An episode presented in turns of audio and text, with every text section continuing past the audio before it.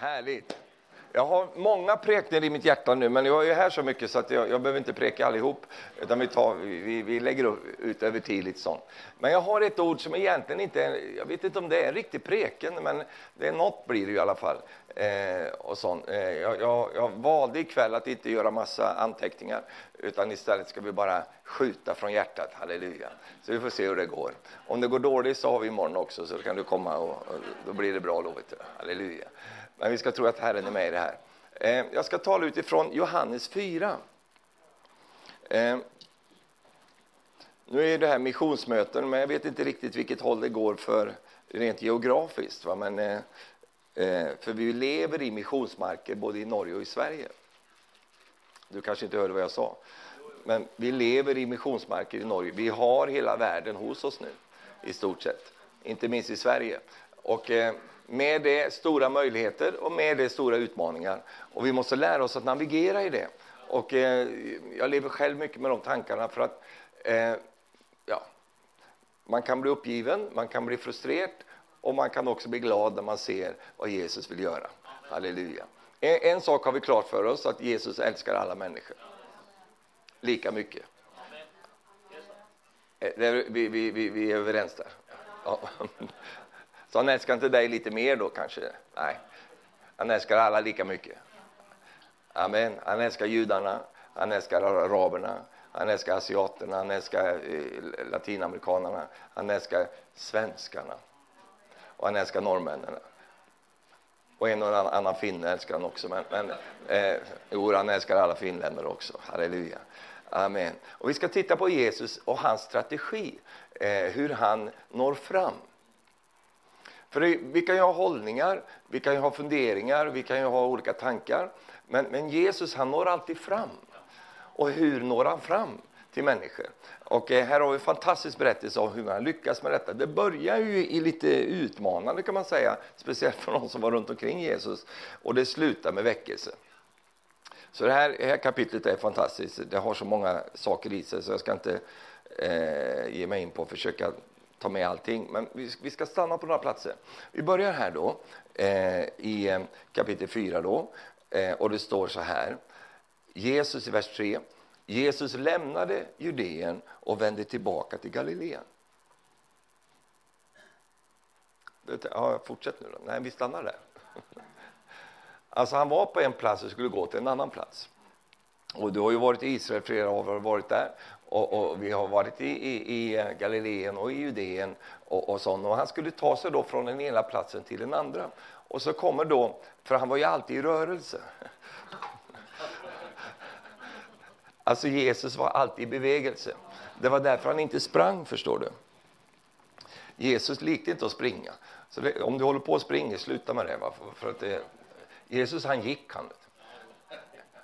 Och, och vet, när du går så kan du hålla på länge. Och när du går så tänk, kan du tänka också medan du går. Jag vet inte om du har plågat dig själv att springa. Jag, eh, jag backar lite grann. Spring på det om du gillar att springa. Men, men eh, tvinga inte in mig i det där. Eh, därför att det finns någonting med att gå. Det står om Jesus att han vandrade omkring i hela Galileen. Han sprang inte omkring som en skollatroll genom hela och stressade runt det. För det fanns ingen stress i Jesus. Och du vet att stressen håller på att ta död på oss. Den håller på att ödelägga våra nationer. Eh, stressen dödar mer människor än vad kräft gör. Varför då? Därför att stress har en, en så negativ, destruktiv eh, påverkan på oss, så den ödelägger kroppen. Och vi var aldrig ämnade att leva i stress.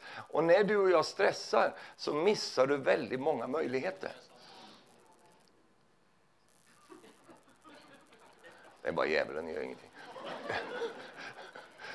Så när vi stressar så, så, så liksom rusar vi på i livet och då missar vi så många saker. Och Jesus var aldrig stressad. Jag hörde en vis man, han sa en gång så här, gå aldrig snabbt genom en folkskara. Och, och, jag förstod poängen, just detta att man missar ju själva folket. Om man bara plöjer igenom så, så missar man ju människor. För, för, för Jesus han, han är ute efter att välsigna var och en. Och här kommer vi se hur han välsignade en person och tog tid med en person och det gav honom en folkskara. Halleluja. Du har ingen aning om eh, vad den personen som Herren vill leda dig till kan, kan liksom vara med och, och, och, och så att säga, eh, vad frukten kan bli av det. Det vet inte vi, men eh, det vet ju Herren.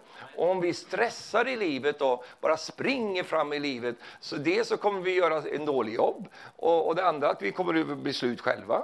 Och det tredje att vi kommer att missa de där sakerna som Herren har i förberedelse för oss. Och så kommer här nästa vers där, så står det och han måste ta vägen genom Samarien. Han måste ta vägen genom Samarien. Jag ska ställa en fråga till dig och du behöver inte svara nu för jag sköter allt snack själv. Eh, men du kan bara tänka. Vad måste du göra för någonting? Alla lever ju med måsten. Alla lever ju med olika typer av förpliktelser, saker som vi känner att vi måste göra. Men Jesus han hade en del måsten han också. Han måste ta vägen genom Samarien. Nu är det en sanning med modifikation. Därför att det, om du tittar på hur det var där så var, fanns det inga måsten att du skulle gå den vägen. Eh, faktiskt motsats var det så att man undvek att gå den vägen. Man gick helst inte den vägen. Därför att det fanns någonting som vi har gott om i Sverige och Norge med, etniska konflikter. Det fanns saker där folk restes upp mot folk, eh, etniska grupper som restes upp mot folk. Du vet, eh, samaritanerna, de, de var inte så gott lik av judarna. Eh, och det har en historisk bakgrund som jag ska, inte ska gå in i nu. Och därför undvek judarna alltid att ha någonting med att göra med de från, som, som bodde i det här området. De pratade inte med dem, de umgicks aldrig med dem och framförallt så gick de aldrig igenom det området. Det var inte speciellt farligt att gå genom området, men det fanns någonting som låg i, med, i vägen där. Det fanns en barriär, och den barriären kändes det som att Jesus var tvungen att bryta. Det är något med Jesus som jag tycker om. inte bara något, det är väldigt mycket. Men just det här med Jesus, att han, han, han, om, om någon säger det här får inte du göra, så här ska inte du göra, ja men då gör han precis så. Han bryter sådana här eh, barriärer, sådana här outtalade saker som vi ibland har i våra liv och vi kanske inte ens tänker på det därför att eh, det, bästefar gick aldrig genom Samarien, bästemor gjorde inte det heller och, och mina kusiner går aldrig igenom där och, och hunden springer inte igenom där. Eh, så därför gör vi inte det bara. Men Jesus Jesus han måste ta den vägen. Halleluja. Och just därför att han måste göra detta, eh, vi vet ju att han var ledd av den helige Ande, så, så, så öppnades det någonting för honom, för han var villig att trampa på fördomar. Han var villig att liksom bryta de där barriärerna som, som vi människor kan sätta upp eh, eh i våra liv, i samfund och, och bland folk emellan. Och, och då, när han gjorde det och levde på det sättet så fick han sådana möjligheter. Och jag bara kände det ikväll att Gud vill ge dig sådana här möjligheter också om du är villig att leva ett liv där du inte är full av fördomar. Nu vet jag att du sitter här och tänker att du är så fri, fri va? Och vi tycker att vi är fria, men vi har en hel del fördomar allihop av oss. Vare sig du vill e- erkänna det eller inte så har vi det. Jag, och jag är den första att erkänna att jag har det också. Jag får jobba med dem helt enkelt. Alltså, nu, nu ska jag vara lite ärlig och öppen här ikväll. Jag brukar vara oärlig annars. Nej, var lite ärlig och öppen här ikväll. Jag får lite, lite problem när jag ser en komma i burka. Va? Jag får jobbigt med det där. Det får inte du, men jag sa att ja, jag kan få problem. Jag får lite problem. Vad ska, du, vad ska du stjäla någonting nu? Vad ska du göra för någonting nu? Ska du utnyttja vårt system nu? Vem är du egentligen? Varför har du kommit hit? Det bara kommer upp alltså. Inte hos dig, men hos mig kan det komma upp. Och då måste jag slå mig själv. Alltså inte fysiskt, men det räcker om Marie gör det. Men, men då slå, slå mig själv och säga Stefan, vad, vad, vad, är det där för någonting hos dig? Varför har du det där i ditt liv för? Eh, jo, det är förmodligen för att jag är svensk eh, och att jag då har liksom eh, en historia där och jag har också sett väldigt många saker så jag kan få problem med det där. Men Jesus verkar inte få sådana problem. Utan Jesus han, han kunde hantera det här eh, på ett sådant sätt som gjorde att han fick möjligheter att liksom, eh, möta människor och hjälpa människor till frälsning. Och man som sa så här, om du ska vinna någon så kan du börja med att älska dem. Det är ganska svårt att vinna människor som du inte tycker om. Ja, ja säger kameramannen. Eller kvinnan, kamerakvinnan. hade en, en, han var inte min kompis, men, men eh, han var en som jag en komp, jag hade en kompis som hade en kompis, och det var inte min kompis. Men han var så där het, eh, min kompis alltså. Han var så het. va? Han, var, han, skulle vittna för allt som rörde sig. Va? Han var så fanatisk, vet du, och så skicklig radikal. Eh, vi kommer ju från en viss sån rörelse. Han, han, han, skulle bara ha, han skulle bara ha ner han alltså. Han skulle få han frälst. Så, och då var det så att den här var killen var målare, så han jobbade med sånt. Så han skulle hjälpa honom att fixa och renovera hans lägenhet. Så han höll på att jobba där i lägenheten. Han, han var ju ingen, ingen frälst kille. Så han höll på med det där. Och, och, min kompis han höll på att tjata på mig. Och höll på, vet du, du ska bli frälst. Du går förlorad, du går förtapp, du går till helvetet. Så han kör på, han tog alla, alla bomber han hade eh, och bara körde på. Till slut började han, han kunde inte jobba. Så, så han blir så trött på honom till slut. Så, kan du hålla käften på dig? Tyst! Men jag vill inte höra ett ord om den Jesus nu. Tyst med dig! Och då, vet du, min kompis, då tände han till. Vet vad är det med dig? Va? Fattar du inte att jag älskar dig? Ja, det är ett speciellt sätt att visa det på.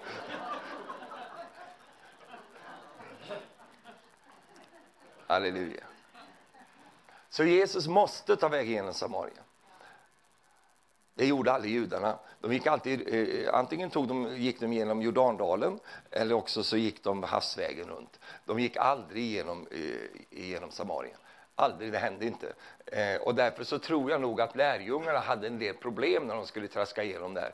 Eh, de tänkte, varför måste han gå där? Är han trött? Orkar han inte gå den här omvägen där? Nej, för Jesus har en plan. Och den planen den får vi se senare sen. Och då så dröjer det inte så länge för han blir lite trött och sliten. Eh, så han sätter sig ner vid brunnen. Och vid den här brunnen så kommer den här kvinnan då som blir en av aktörerna i det här dramat här. Och då så, så står det så här. Han kom till den här brunnen som, som kallas för Jakobs brunn. Och eftersom Jesus var trött av vandringen så satte han sig där vid brunnen. Det var omkring sjätte timmen. Då kom en samaritisk kvinna för att hämta vatten. Och Jesus säger till henne, ge mig att dricka. Och Det tycker jag är så intressant att hur Jesus öppnar det här samtalet. Han öppnar det här samtalet genom att ställa sig själv på behovets plats. Det vill säga att han kommer inte nu och säger till henne allt det som han sen kommer att säga, utan han börjar med att eh, fråga henne, skulle du kunna hjälpa mig här? Skulle du kunna ge mig något att dricka?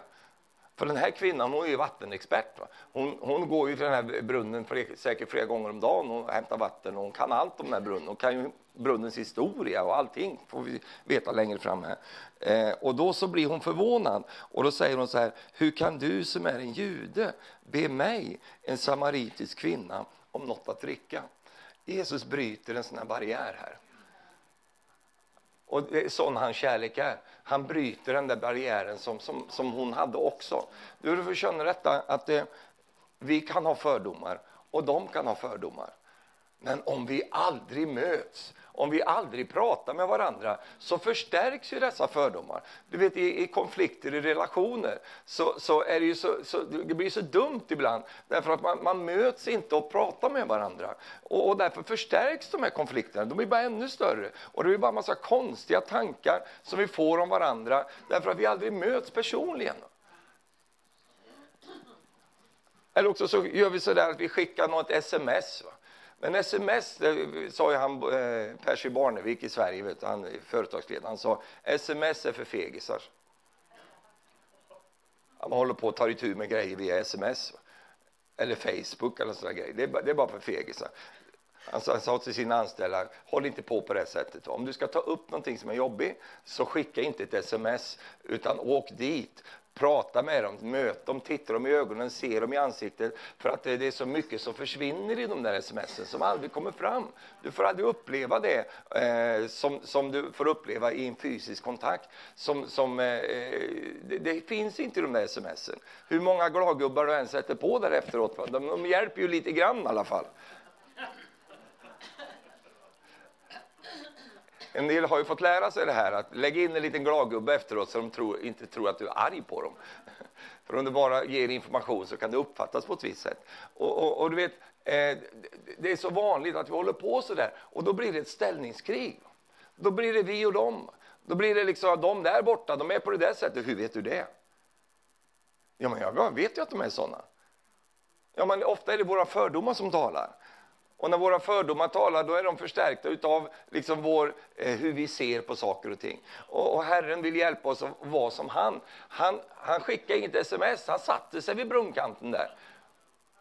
Och så såg han ju henne komma. Vad tror du han såg när han såg henne komma? Där? Han såg hennes liv rakt igenom. Han såg precis vad hon hade för problem, den här kvinnan. Han såg allt samman. Sa han det på en gång? Nej, han sa ingenting om det. Utan han bara frågade, kan du ge mig lite att dricka? Och hon blev chockerad. Och på något sätt så, ibland så kan vi vara sådana att när vi möter människor så förstärks de här murarna. Därför att vår hållning och attityd gör att då upp med garden direkt. Istället för att de sjunker ner och istället för att det blir en öppning. Det var så Jesus öppnade upp det här samtalet. Genom att han själv satte sig på behovets plats och säger, skulle du kunna hjälpa mig med det här? Hur svårt är det? Och då blir hon förvånad och då kommer trycket över på henne och så säger hon, ja, men hur kan du som är jude prata med mig? Och då börjar Jesus att prata om, om de här sakerna som har med vattnet att göra. Men det är intressant också, hans lärjungar har gått in i stan för att köpa mat. Tolv stycken gick in för att köpa mat för 13 personer. Va? Det är så superadministration här i lärjungagrupperna. vi går allihop en tar en tomat, en annan tar ett äpple och lite olika saker. Så, Och de kommer också komma tillbaka här så småningom sen. De de är helt inne i det här bara vardagliga. Och Jesus är nu eh, på väg att skriva historia här. Eh, men, men, de har ingen pejling på det. För de är helt uppslukade av det bara vanliga. Så, så de, de är inte där. Och då så står det så här, eh, hur kan du, så säger hon här, hur kan du som är jude be mig, en samaritisk kvinna, om något att dricka? Och här kommer det då förklaringen till det här. Judarna umgås inte med samariterna. Alltså jag lever ju mycket i, i, du vet ju, jag är ju från Sverige och i Sverige har vi nu sådana här platser som kallas för, vi kan kalla dem för no-go zones. Va? Alltså det är platser som, det, svenskarna går inte dit. Va? Det är, Malmö är ett sådant exempel. Många platser runt Stockholm, förorterna där. Och, så, och du läser ju det i, i norska medier, du vet ju vad som händer Eh, och sånt. Men som svenska politiker försöker tysta ner allt, det är kanon, det är superhärligt här i Sverige, kanon. Det är väldigt fint här, det är underbart, vi har nyårsafton varenda dag här. Det bara exploderar och fyrverkerier. Oj, där brann min bil visst, ja, tur att den är försäkrad. Ja. Det brinner bilar varenda dag i Sverige. Det exploderar grejer varenda dag. Nu, har de, nu small det bara här i Västerås här, eh, bara idag, eller om det var igår. Eh, det är hela tiden pågår. Jag var och predikade på ett ställe nu i, i, för ett par veckor sedan i en, en stad i Sverige, Eskilstuna. Och så bodde jag mitt i stan där, så efter mig, och kyrkan var i stan också. Så, så när jag kom, skulle gå till hotellet sen på kvällen och lägga mig så gick jag igenom stan. Det var massor av folk ute. Det var ju kallt också, men det var mass, mängder av folk ute på stan. Inte en enda svensk. Alltså sån här typ svensk. Sån här blekt sort. Utan, men det var massor av folk. Va? Och jag kände så jag gick genom stan där, jag kände så här, var är jag någonstans? Så gick jag in på McDonalds och skulle köpa en hamburgare. Och, och, och vatten. Ni som går på mötena här, ni vet vad jag menar. Ja, så jag gick in där. Så. Och där var det bara, det fanns inte ens eh, svensk i den här bemärkelsen som du känner det, som jobbade där. Det var bara eh, liksom, människor från helt andra länder och så. Eh, och det var en stämning som var därefter också. Eh, och, och, och då så frågade jag sen efter ett frågade, det var väldigt vad det var, det fanns ju inga svenskar ute här. Var, var, varför är inte de ute på stan för? Nej, de vågar inte gå ut här. De, de håller sig inne. De rör sig inte. Så, så på ett sätt så tycker en del att vi har blivit ockuperade. Och, och, och, så drar man växlar på det och så jobbar man så vidare. Men jag tänker så här, nu är det som det är. Vad ska vi göra åt det? Vi kan ju inte bara sitta och åma oss över hur det har blivit. Eh, och det finns mycket vi kan ta upp om det här som en problemställning. Men jag menar, det hjälper ju inte, därför att det är ju som det är. Vad ska vi göra åt det här då? Vi ska göra som Jesus. Han måste ta vägen till en no-go zone. Halleluja. Han bara plöjer in där med sin kärlek. Halleluja. Och när han kommer där med sin kärlek så är han inte full av fördomar, han är inte full av eh, såna här tankar som kanske du och jag har ibland, eh, utan han är bara full av eh, den kärlek som han har till alla människor. Och eh, han har en sån eh, visdom i hur han förhåller sig till människor. Och, och, just, han gör ju två stycken kardinalfel här egentligen. Han går igenom en felaktig område som han inte ska göra och han pratar med en kvinna. Det fick ju lärjungarna problem med. Han pratar med en kvinna. Så du ser vad mycket grejer det fanns i de här fria lärjungarna också som hade vandrat runt med Jesus och skulle vara så jippi Men inte, det var inte så mycket jippi när han gör en grej som de aldrig skulle kunna tänka sig. Pratar han med en kvinna? Men varför gör han det? Ja. Men i alla fall så öppnar det här upp ett samtal som leder till något fantastiskt här så småningom. Och det är ju då att då så börjar han ju då eh, Eh, pratar med henne och säger så här, om du känner till Guds gåva, men det som säger till dig, är med att dricka, då skulle du ha bett honom om att han skulle äta ett levande vatten. Och då säger Herre, du har ju inte ens en skopa och brunnen är djup, var ska du få det vattnet ifrån? Inte är du väl för mer än vår fader Jakob som gav oss brunnen och själv drack ur den, liksom hans söner och hans boskap. Jesus svarade, den som dricker av det här vattnet, han blir törstig igen. Men den som dricker av det vatten jag ger honom, kommer aldrig någonsin att törsta. Det vatten jag ger skall i honom bli en källa som flödar fram till evigt liv. Alltså det här är någonting som, som du och jag läser utifrån vårt perspektiv. Vi fattar ju precis vad han menar här. Men hon tänker, wow, vilket vatten! Kanon! För hon avslöjar sin tanke och säger så här, Herre ge mig, det, ge mig det vatten så att jag inte blir törstig och behöver gå hit och hämta vatten. Så hon tänker, det här är, det är dundervatten han har här. Superbra, jag behöver bara ha en kopp av det vattnet så behöver jag aldrig gå hit och dricka mer. Jag behöver inte hämta något vatten, det är ju så jobbigt att släpa på det. Här. Då har vi vad vi behöver, vilket vatten! Och då så bryter Jesus hela den grejen, nu är han färdig med det här vattensnacket. Så då säger han, du kan gå och hämta din man istället. Och då säger Alltså, jag vet ju inte vad hon börjar tänka, den här kvinnan. Jesus ser bra ut, vet du. Jag vet att du aldrig tänker så där. Men, men nu är det jag som predikar. Jag, jag, jag, vet inte vad hon börjar tänka på. Därför att sak, fortsättningen röjer ju lite saker om den här kvinnan. Gå och hämta din man. Kanske Jesus vill bara avsluta någonting som hade begynt här lite grann. Och så säger hon så här, jag har ingen man. Och då säger Jesus, det sa du rätt du. Helt rätt, du har ingen. För fem män har du haft. Och den du nu lever med, han är inte din man, du är inte gift med honom, du bara lever med honom. Och då händer det någonting i den här kvinnan, då, direkt. Herre, jag märker att du är en profet. Nu har det här samtalet fått en helt annan riktning än hur den började. Men den hade kom, den hade, det här samtalet hade aldrig kommit hit om inte Jesus hade börjat som han började. Du kan bära på ett ord i ditt hjärta till någon, men om inte det finns en, liksom en plattform för att leverera detta så, så, spelar det ingen roll. Hade Jesus sagt det här första gången, när han såg henne på en gång, du, kan du hämta din man, du har fem stycken och du vet, eller du håller på med nu, det är ju inte din kar. Då hade det varit avslutat. Va? Men nu hade han liksom på något sätt, hon hade gett honom en viss tillit här. Och på den tillitsplatsen så var hon öppen för att höra det som egentligen var hennes stora tragedia i livet. Vi vet inte varför hon hade haft fem män. Vi vet inte vad det var som gjorde att hon alltid misslyckades med de här relationerna som hon hade haft. Vi vet inte detta. Det är ju inte bara hennes fel. Det är säkert eh, alla karlar som hon hade haft och allt det där. Vi, vet, vi kan bara liksom skönja någonting här. Här har vi i alla fall ett problem här. Det är en utmaning som den här kvinnan har. Och Jesus såg det direkt när han såg henne. Och du vet, när du är ledd av den helige Ande så kommer du se saker över människor. Frågan är vad du gör med det. Och fråga nummer två. När gör du någonting med det du ser? Ibland är vi så, så heta så vi har fått ett ord och så tänker vi att vi ska leverera det här på en gång. Men det finns ingen tillitsplats, det finns ingen tillitsbas. Så det vi säger det, blir, det får motsatt verkan istället. Jesus han kunde hålla barnen ett tag. Han kunde hålla, han visste detta, jag har henne här nu och jag behöver inte briljera med vad jag redan vet. Utan hans kärlek var ju detta, det enda han ville det var att upprätta henne så att hon blev fri från sitt problem.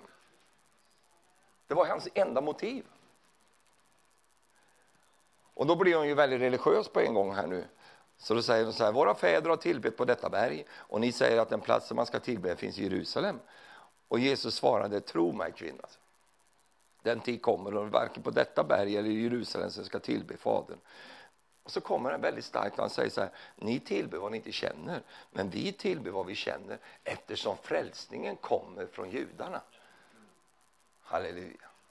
Och Det här tycker jag är så intressant därför att Jesus vägrar gå in på sån här kultursnack. Han vägrar hoppa och dividera var man ska tillbe. Är det på det här berget eller på det berget? Han, han, liksom, han, han lät sig inte luras in där, utan han, han drog henne ur det där på en gång. Det, inte, du, det, det spelar ingen roll. Du tillber ändå vad du inte känner. Jag vet vad jag tillber, för jag vet var frälsningen kommer från oss. Eh, så han var väldigt frimodig här. Vad säger han egentligen? Du har det inte, jag har det. Eller för att göra det lite större här. Ni har det inte, vi har det. Halleluja. Du vet, det är så populärt nu med såna dialoger. Va? Vi ska ha dialoger med, med andra religioner, så dialoggrejer. Tror inte skit på det, och eh, inte ett dugg på det. Jag är inte intresserad av någon dialog.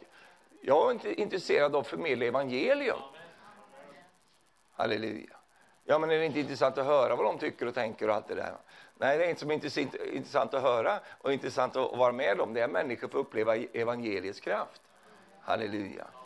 För att om man börjar hålla på här så kommer man försvinna i alla möjliga grejer. Ja, det var intressant att du tyckte så. Jaha, ja visst, ja, och vår historia säger så här. Och vi har ju egentligen har vi ju samma Gud allihop. Vet du. Så att, eh, eh ni har en liten annan sak, ni, ni tillber på Gerissim och, ni, eh, och, och vi tillber på Jerusalem. Och, och vi har det här på lite olika sätt. Och så helt plötsligt så går du därifrån helt kraftlös. Va? Du ska, du ska vara lite... Du, såna här kvinnor, vet du, de är inte att leka med. Vet du. De kan linda upp vilken kar som helst. Nu är kvinnorna tysta och sura här, jag märker det. Vet du. Hon kunde det där, vet du. hon skulle linda in och fånga in saker och ting. Men Jesus han, han går inte på det där. Och det får inte du heller göra. Men vi kommer att gå på det, eller vi kommer att bli upprörda, uppretade och, och liksom få någon slags fanatism över oss när, när någon har kanske någon annan tanke eh, om saker och ting, blir förnärmade över att hur kan du säga det, vadå tillbe där borta? Kära någon fattar du ingenting. Vi kan bli sådana också. Men, men om du har den här hållningen som Jesus har, Halleluja. Då blir du inte lurt iväg i, i, i ändlösa diskussioner och ändlösa grejer som inte leder någonstans, utan du håller kursen. Vad är kursen då? Jag ska vinna den här personen för Gud. Halleluja.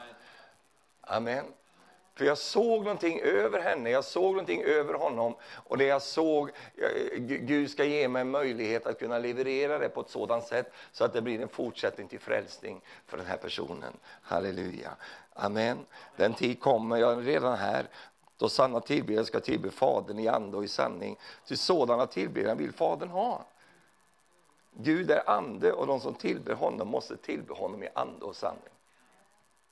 Vet du vad jag tror medan jag pratar här, talar här? Så tror jag Gud kommer att sätta dig i situationer som gör dig obekväm. Alltså. Ja, just dig. Vad menar du? Ja, du kommer få träffa människor som du fattar inte ett ord av vad de säger. De pratar något märkligt språk som inte är norska. Och inte svenska nu. Men jag, jag klarar inte av sådana här människor. Jag klarar inte det. Du kommer sätta dig, det blir obekvämt för dig. Och det kanske är det bästa som kan hända dig. Alltså. Halleluja. Alltså nu är det så tyst jag blir rädd här alltså. För vi säger att vi vill följa Jesus, vi vill lyda Jesus. Och då måste vi ibland tillåta honom att leda oss ut ur vår bekvämlighetszon. Halleluja.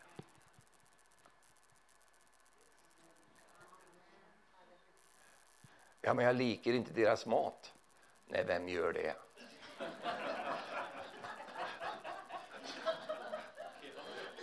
Ja, det skulle vara kebab då. Vi var på en ungdomsresa och körde genom Europa för många år sedan. Och då så var det en av ungdomarna, vi kom in i Skåne och skulle upp till Uppsala.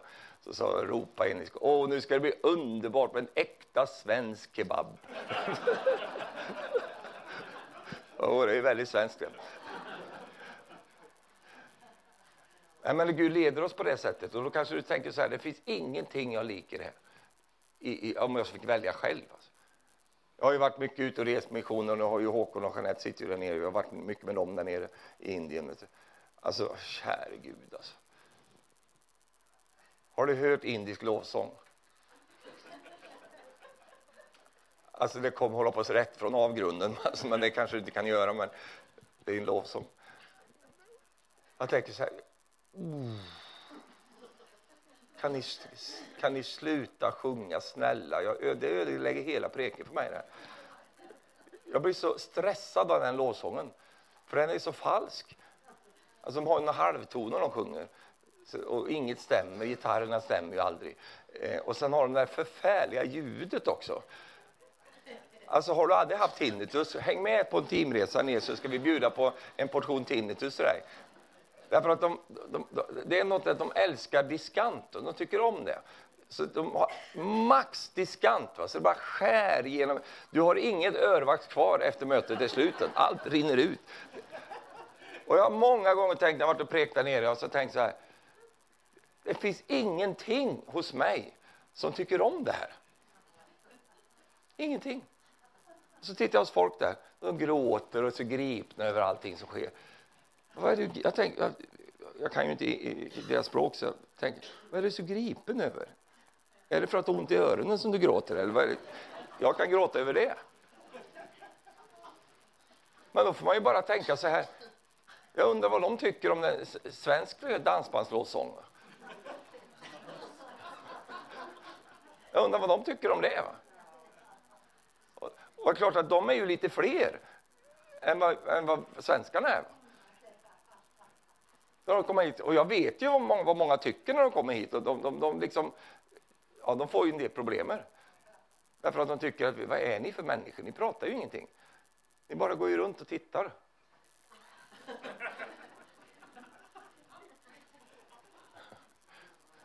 Så de får ju också problem. Och det har slagit mig många gånger. Alltså, det finns inget här hos mig som känner här vill jag vara. Underbart att vara här. In, det finns inget underbart att vara där ibland och möta de här sakerna. Men när jag kommer hem, halleluja. Halleluja. Fläsk och bruna bönor. Och, halleluja. Det är kristen mat. Den är renad, den är härlig. Halleluja. Jag är så nöjd. Så älskar jag också att vara själv. Jag tycker om att vara själv. Jag tycker inte om att vara massa stå folk så här en centimeter ifrån ansiktet och, och, och flåsar och, och inte gör något. De bara står och tittar så. Nu är ni i Indien så kommer det alltid stå en jämtare och titta. Du har aldrig sett, du vet inte vem det är, den bara står där, Titta. Om du inte vet vad stress är så kommer du uppleva det där nere. Du blir så stressad. Va? Jag har berättat det här i, här i församlingen förut, så jag kan gärna ta det för det igen. Eh, jag håller på med bilar och sånt där som du vet, säkert vet och, och grejer med bilar. Och sen så, så lackerar jag och fixar och grejer också. Men jag har ingen egen lackeringsbox. Eh, jag har mycket i mitt garage, men jag har ingen sån box. Så då, då hyr, har jag hyrt en box av en, en, en, en verkstad. Så har hyrt en, och han som äger den, han är ju från Arabien. Alltså Irak då. Han är, sån, är härlig, han är en fin kille. Och sådana har han verkstaden. Jätte, väldigt duktiga folk. Väldigt, många av de här är väldigt duktiga på sådana saker kan jag säga det. Och reparera bilar och sånt. Va? Men jag vill ju göra det själv, så då har jag hyrt hela verkstaden istället. Va? Och så får jag vara där. Men då har jag sagt till dem, nu när jag är här så, då vill jag vara själv här och jobba. Ja, det ska det vara. Och så kommer man ju dit, jag känner på mig, de förstår inte uttrycket själv. De vet inte vad det är för någonting. Så jag, jag, jag, jag fattar den. Så mycket riktigt har kommit dit då. Ja, då är ju alla där va. Alla som jobbar, inte bara de som jobbar utan alla de som inte jobbar också. För det är alltid en, gammal gubbe som sitter och dör på en stol. Va? Sitt sån, va? Så alltså. det är patriarken, han sitter där på en stol. Han gör ingenting, han bara sitter där och liksom kontrollerar hela stället där på något sätt. Och så är det kusiner och brorsan och, och, och så här, va. Jag har en kompis va, på Södertälje, kom hit nu. Den fixar lite han också för sin bil. Va. Och då så, så här, men du, nu har jag ju hyrt den här av dig. Jag har ju betalt för det här nu. Jag skulle vara här själv. Du sa att jag skulle få vara själv. Och då, helt så här, ja, du är Kjell. Nej, jag är inte själv. Det är massor av folk. Nej, nej, nej, nej. nej. Du, du är själv. Du, du är själv du. Nej, men jag är ju inte själv. Jag står här och sprutar här och så, så står du ni där inne och tittar in de här glasrutorna där och blänger där. Jag blir stressad och sånt där. Jag vill, jag vill vara själv när jag jobbar. Ja, ja du, du är själv du.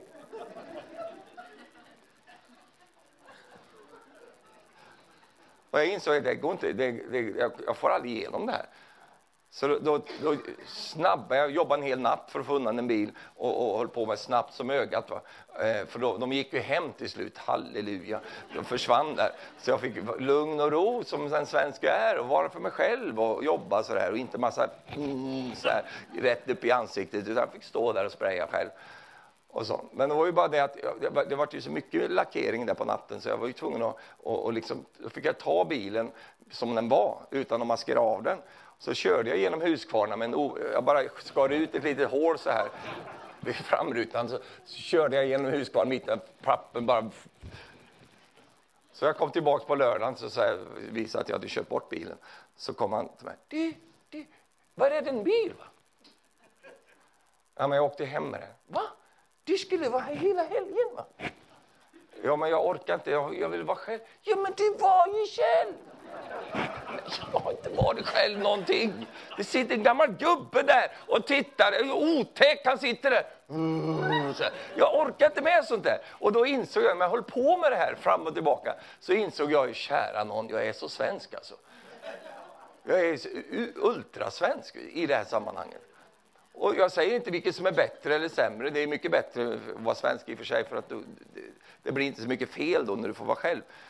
Men de här killarna är superduktiga, men de jobbar alltid i par. Va? Alltid, inte bara i par, men i hel flock när de kommer. Liksom. Och jag kanske är precis som lärjungarna, de var ju inte heller några svenskar, det tror ju du, va? men de var ju inte svenskar norrmän. Utan de, var ju, de gick ju 12 stycken och handlade mat åt, åt 13 personer. Det skulle ju vi aldrig göra. Utan vi säger, jag går, jag går själv. Det är sådana vi är. Men, men den där händelserna som var där då, det har då lett sen. För de här killarna, va, de, jag såg ju, de här kan ju de här grejerna, de är jätteduktiga. Eh, som. Men de, eh, en av dem är otroligt skicklig på att lackera. Superduktig, va? man kan ju inte ett ord svenska. Va? Så han ska bara kramas så fort jag kommer, då ska han krama mig. Det är det enda han gör, kram, och sen så går han vidare bara. För han kan inga, det är hans enda språkförmåga. En liten kram så för att visa att han tycker om mig. Och så. så jag har blivit väldigt kompis med de här killarna för att de är så duktiga. Och sen har ju vi lärt känna varandra efter vägen här. Då sitter de där och röker sina vattenpipor. Och sen direkt, direkt till mig, vill du ha? Ja, det är lite tungt idag faktiskt. Jag tar, nej, nej.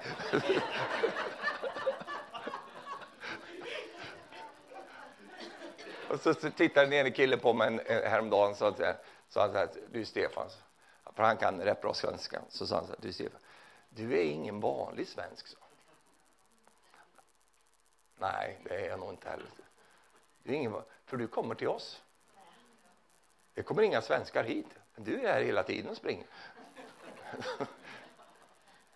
Du är ingen vanlig svensk. Och då bara slog det mig att just de här barriärerna som vi har mellan olika kulturer som är nu i Sverige och i Norge med. Alltså det, det är lika mycket lidande på, på den andra sidan som det är kanske på vår sida.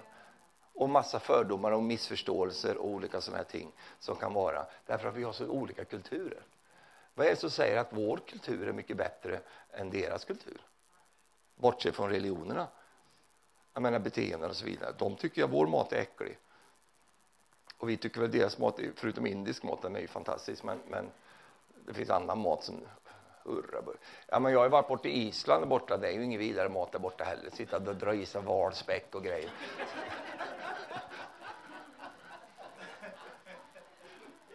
Vad är det som säger att det är bättre än det andra?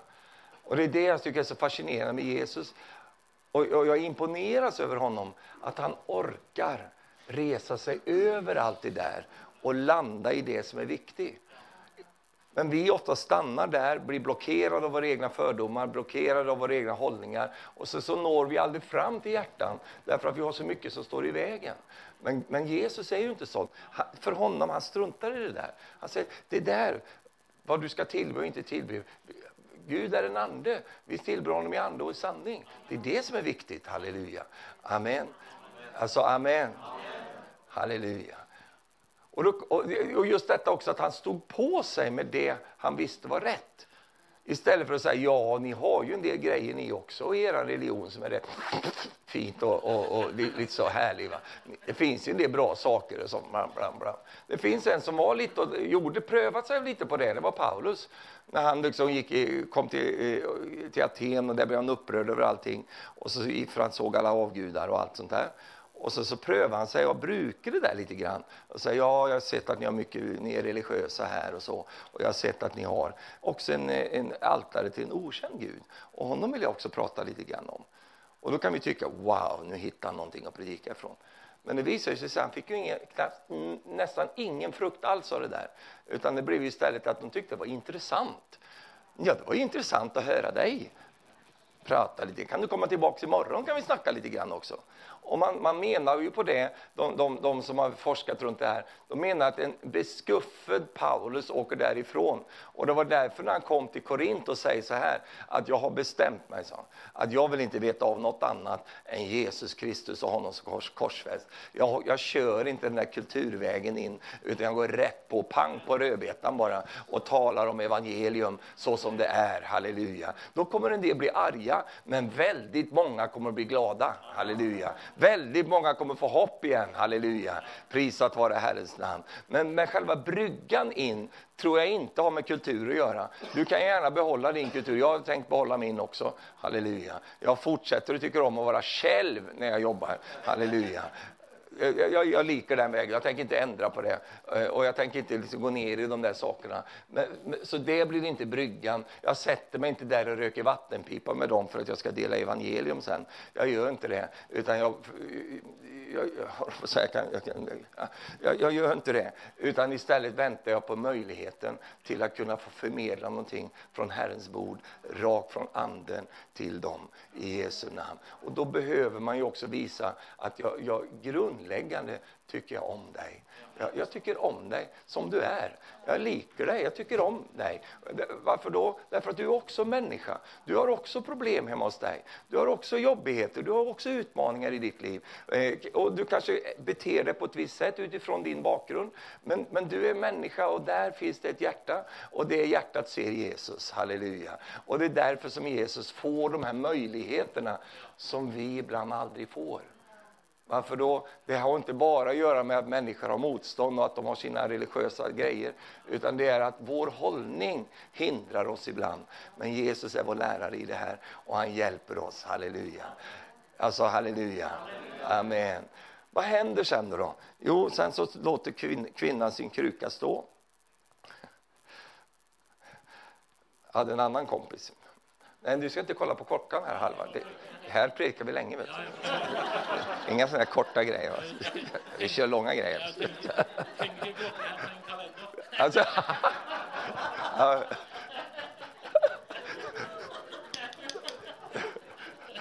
Titta vad som hände när du gjorde. Nu började de gå där bara för det. Då kände de, nej det är, kafé, det är kafédamerna. Halleluja. Amen. Hade en annan, två predikantkompisar var ute och predikade. Vet du. Och den ene var lite mer bibellärare. Ja, ja, ja okay. Och den andra var lite mer evangelist, typen. Och, och den bibelläraren då, då skulle tala om det här med, med kvinnan med krukan. Så han började lägga ut det här med krukan. Och du vet hur bibellärare kan vara. De lägger, åh, det finns olika krukor. Stora krukor, små krukor. Det finns djupa krukor, grunda krukor. Vackra krukor. Det finns trasiga krukor. Och han höll på med krukan. Vet du. Och den här evangelisten han blev så stressad. Så han blev så, jag tyckte det var så jobbigt. Han tjatade den här krukan. Så till slut orkade han inte längre. Så, så bara ropade han till honom från första bänken. Och sa han så här. Du! Skit i krukan och predika evangelium istället!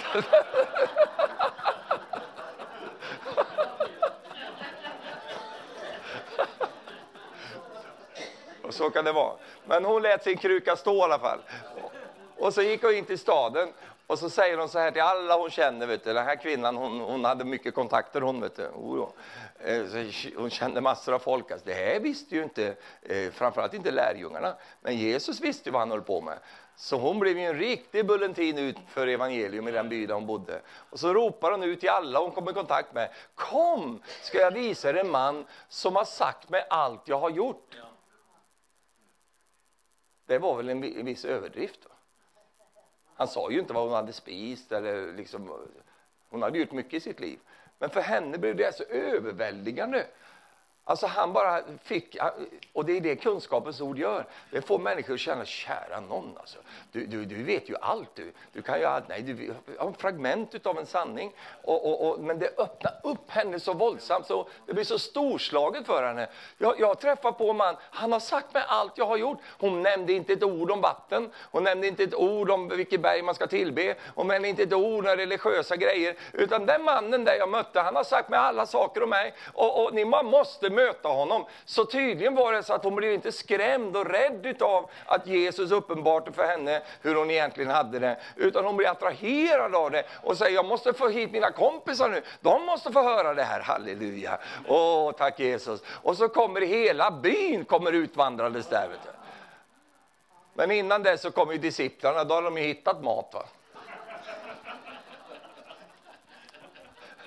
Och det första de gör när de ser om han sitter och pratar med kvinnan där, så säger, då skrubbar de i huvudet och säger, han pratar med en kvinna. Det blir ett problem för dem. Men så står det som det ofta gör, men de sa ingenting. De bara mumlade där. De hade sina tankar. Och, och då så, så, så, säger de till Jesus, Jesus här, tag och ät, ät nu. Och då säger Jesus, jag är inte hungrig då. Jag har redan ätit. Va? Har någon burit mat till honom? Och då säger Jesus, min mat är att göra min fars vilja. Amen. Och att utföra det han har sänt mig till. Det är mat för mig. Det. Halleluja. Och sen kommer ju detta underbara. Ni förresten, ni säger ju att det är fyra månader kvar till skörden.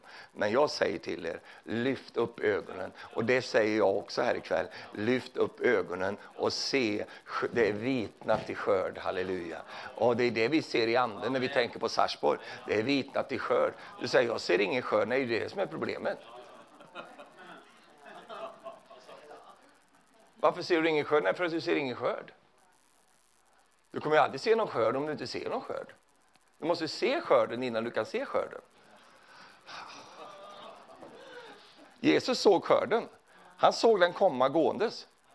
Den var på väg ut till honom nu. Hela den här stora skörden kom nu. Den kom och gick nu. Och den började med den kvinnan där som han var modig nog att bryta de där tabuerna. Han var modig nog att spränga de där gränserna. Han var modig nog att liksom strunta i alla de där grejerna och, och saker som egentligen inte fanns någon lag på. Det var inte så att det var eh, liksom, så får du inte göra, utan det var bara en tradition. Det var bara ett beteende, en kutym som man hade vid den tiden. Men Jesus bara struntade i de grejerna och så bara gjorde han det här lite annorlunda, halleluja. Och det genererade skörden en våldsam skörd, halleluja. Kan du säga halleluja till det? Så går vandrar den där skörden in där och så hör de Jesus predika och så säger de så här, förut säger de, så, så fick vi tro på dina ord om den mannen. Men nu har vi hört honom själv, halleluja. Och så satte de sin tro till honom och många kom till tro på grund av de där händelserna där. Är inte det underbart? Halleluja. För någon tänker sig att en skörd, va? Det, det bara smäller till så händer så här utan den kommer genom de här sakerna. Att du och jag är villiga, vara ledda av den helige Ande och våga gå Guds väg, även när det är lite sådär, och våga ta lite en annorlunda väg när Herren ber oss om. Och så öppnar det sig någonting fantastiskt där. Halleluja. Kan du säga amen till det? Amen. Säg skörden har vitnat. Säger ni så på norska? Hösten är moden. Säg det till din kompis. Här. Hösten är moden. Halleluja. Tack Jesus. Halleluja. Kanske är det så att Jesus såg det redan från första början. Han såg hösten. Han såg hösten. Han såg det i den där kvinnan där. Hon kommer öppna upp hela den här grejen. Halleluja. Och jag tror faktiskt att det är så att det vi kommer att få se det är att, att det blir sådana nyckelpersoner som du får stöta på. Och det kommer att vara personer som du inte bara ska vinna för Gud utan det kan bli livslånga vänner till dig. Saker, människor mm. De har lite musikstycken här i mötena mitt under preken. Det kommer att vara människor kanske som du möter som öppnar upp din liv, berikar ditt liv.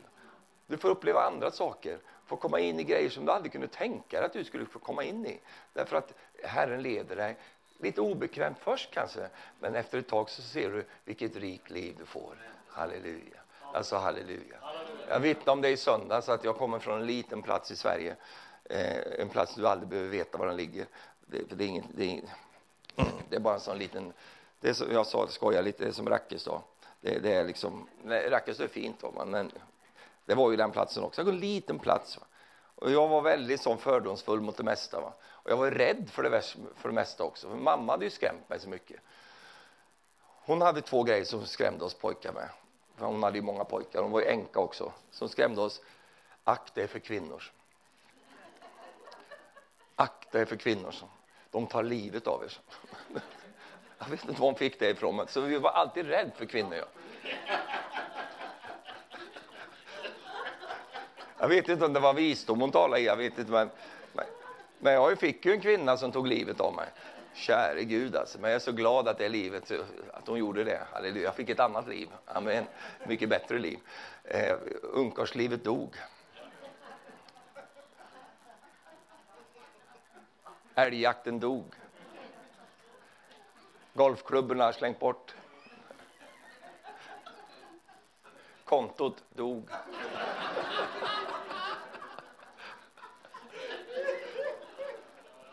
Har du någonsin fått sitta i väntrummet medan din kone är på frisören? Nej, inte det, men det har jag. Dog. Alltså, det finns ingen som är så kedlig som att vänta på att din fru ska klippa sig. Det är förfärligt, därför att det är inte som när jag klipper mig. Tre minuter, färdig. Och en del andra här, det är inte ens tre minuter det behövs. Det räcker att frisören blåser lite på den. Då är det färdig. Men Marie har ett så fantastiskt vackert hår. Vet du. Hon sitter i timmevis där. Alltså det är inte bara liksom en klipp, klipp, klipp, utan det, det är liksom en hel liten, hel liten föreställning där. Och så ska du sitta och titta där på de här tidningarna och vänta. Va? Vad är det för tidningar de har på de där rummen? Ja? Skönhetstidningar. Makeup? Det finns inte en biltidning på de där ställena. Så mamma hade rätt, vet du. de tar livet av dig. Så jag dog. Halleluja. Jag var rädd för flickor. Och sen var vi rädda för stora vägen också. För mamma sa, akta er för stora vägen, vi blir ihjälkörd. Så det var, det var de två, vi gick en stor väg där ute. Så där gick jag då var rädd för, för flickor och stora vägen. Och inte visste jag att Herren skulle frälsa mig, att han skulle öppna upp hela världen för mig. Och det är så märkligt det där, för jag har inget intresse av att resa. Jag liker inte att resa, jag tycker inte om det. Jag har ju rest hela mitt liv, men jag tycker inte om det. Jag vill vara hemma jag. Jag är sån jag. Marie säger, ska vi åka på semester? Nej. Vi vill inte åka ut lite, se lite i Europa? Så, nej.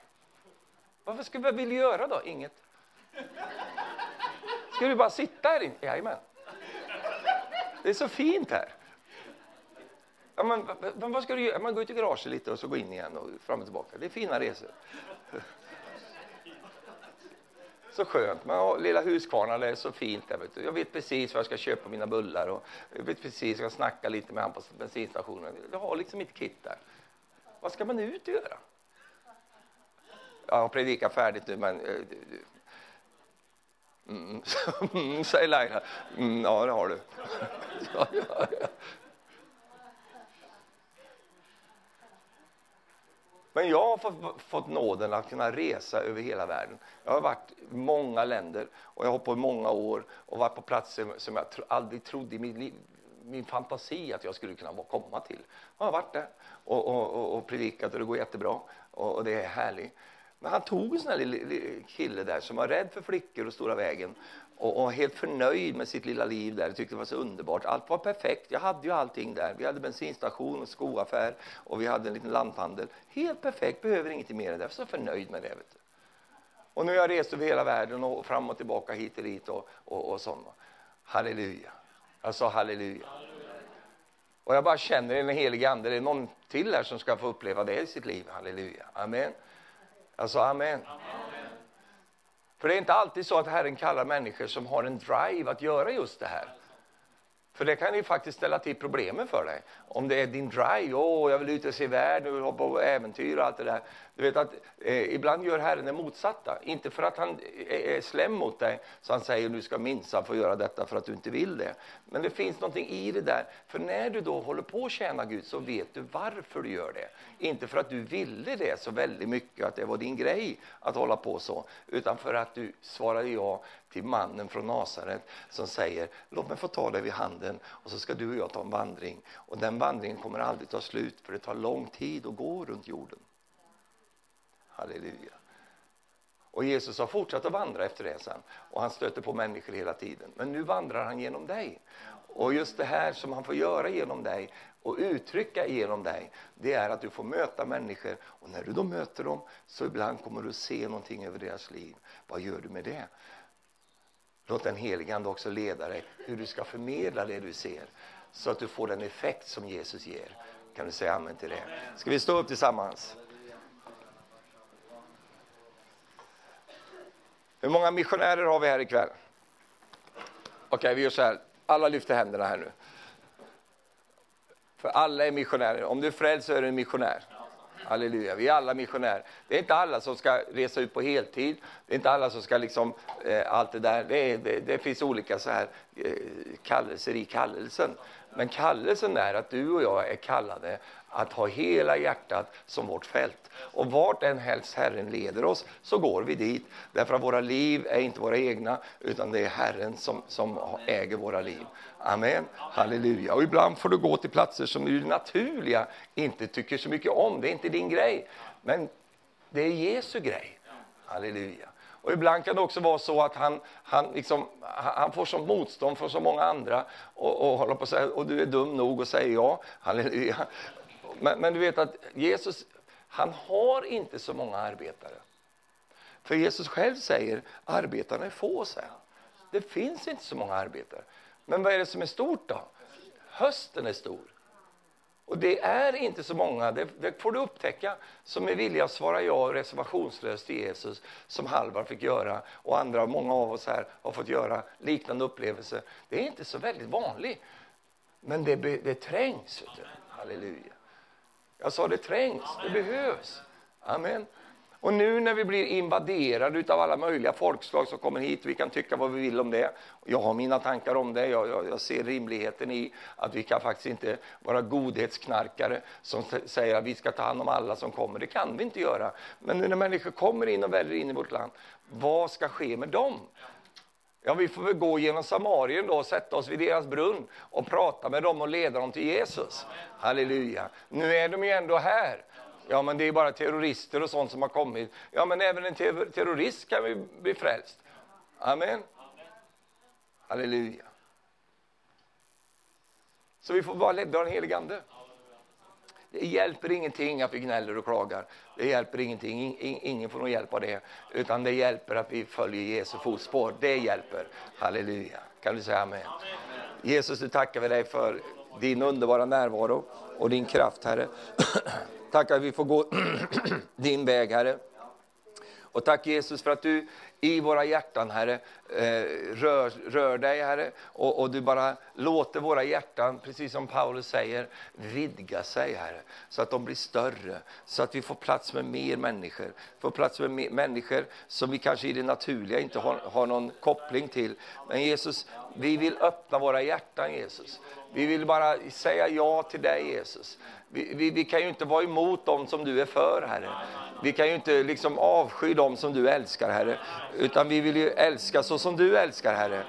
Och vår mänskliga kärlek den tar slut, den orkar inte hela vägen, den är begränsad. Men din kärlek, den orkar, den är obegränsad Herre. Och vi kan älska med din kärlek Herre. Halleluja, prisat vare du Herre. Prisat vare du Jesus. Prisat vare du Jesus. Halleluja. Amen. Jag tror det finns någon här ikväll, du känner ibland så här att du kanske är där nu. Du är så trött på människor, du blir så trött på folk. Trött på människor, alltså de suger musten ur dig och du bara känner, ah, gode tid, rädda mig från människor. Så kan man ju känna ibland faktiskt. Det kan predikanter känna också. Åh, oh, Gud alltså. Det ena problemet efter det andra avlöser hela tiden och du känner, åh, oh, jag är som, jag börjar bli dränerad. Och vad är lösningen på det då? Gör så här. Kan du göra så? Säg Jesus. Mer. Mer kärlek. Mer tålamod. Mer kraft. Halleluja. Amen. Tack Jesus. Det är lösningen, vet du. Halleluja. Kolla mashandalalaya. Jag tänker på Paulus, vet du, han, det står att han, alla, om som alla församlingar, han hade haft strider och konflikter som han fick hålla på med. Han hade alla som jagade honom, hela dessa nitälskande judar. Så fort han hade ett mötesserie så var de där och skulle ödelägga för honom. Alltså he, konstant, hela tiden hade han det på det sättet. Eh, och så det är han som säger, vidga era hjärtan. så. Öppna era hjärtan. Så. Det var en som sa i Sverige också. Det, ja. Men alltså, att öppna hjärtat för Herren. Va? För Herren kan lägga någon från, från liksom, eh, Afghanistan eller någon som kommer från en annan plats och lägga på ditt hjärta. Så att du bara får nöd för den personen och, och bara finner en väg så att du kan gå till den brunnen där de sitter och bara möta dem med, med Jesu kärlek. Och Det som är så underbart när vi plöjer igenom alla de här barriärerna är vi får upptäcka, där sitter ju en människa där också. Eh, som, som blir ledsen ibland, som måste sova, som måste spisa. Eh, precis som du, precis som jag. Halleluja. Så kan man finna varandra där. Och så slipper vi gå i de här fällorna som djävulen alltid liksom lägger upp av alla religiösa, kulturella, allt sånt där. Vi, vi håller inte på med det, utan vi är ute efter att vinna människor för Gud. Halleluja. Om de så är svenska, eskimåer eller finländare, norrmän, vad de än är för någonting så ska de vinnas för Gud. Amen. Kan du säga amen? amen. Halleluja. Prisat vare Herren. Jag ska snart sluta nu, men det finns också ni som känner så här, men jag har ingen speciellt missionskall. Du behöver ingen speciellt missionskall. Du har ett Jesuskall. Men jag känner liksom inte så, jag ligger inte och gråter på nätterna över kineserna. Det gör inte jag heller. Jag är mest arg på dem för de gör så dåliga grejer. Kina-produkter. Gråt inte över det. Du behöver inte ligga och gråta över det. här är ingen emotionell grej. Du behöver inte ha åh, Utan du kan bara vara en Jesus-människa som säger ja Jesus. Halleluja. Jesus satt inte och grät vid brunnen där. Utan han bara var Jesus han. Och det kan du ju också vara. Det kan jag också vara. Jag behöver ingen speciellt missionskall. Jag behöver inte det. Jag behöver ett Jesuskall. Och då är det ett missionskall. Halleluja. Amen. Tack Jesus. Hur många har ett Jesuskall här? Amen. Herre, vi tackar dig. Jag tror vi ska göra så här, vi tar varandras händer nu. Vi har ju ett möte imorgon också. Ta varandras händer nu. Och så ber vi att denna kärlek som Jesus har, att den ska flöda obehindrat genom våra liv.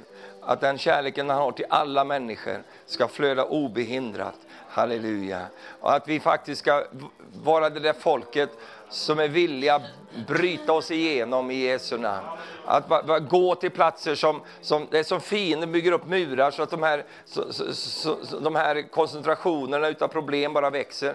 Men du och jag som Guds folk, vi kan bryta igenom de här grejerna. Krossa de här sakerna. Halleluja. Bryta och vara lite frimodiga. Halleluja. Amen. Herre, nu tar vi emot detta av dig ikväll, Herre. Vi tar emot dig i Jesu Kristi namn. Och vi tackar dig, Herre, för att du ger oss av ditt hjärta, Herre. Ditt hjärta för eh, människor runt omkring oss, Herre. Oavsett vilken bakgrund, hudfärg eller var de än kommer ifrån, Herre. Jesus, hjälp oss att se på människor så som du ser på dem, Herre. I Jesu Kristi namn. I Jesu Kristi namn. Och Jesus, så hjälper du oss också att, att, jobba med våra egna fördomar, jobba med våra egna sätt att se på olika människor från alla ställen, Herre. Hjälp oss, Herre. Gör oss fria, Jesus, i Jesu Kristi namn. Amen. Amen. Halleluja. Amen.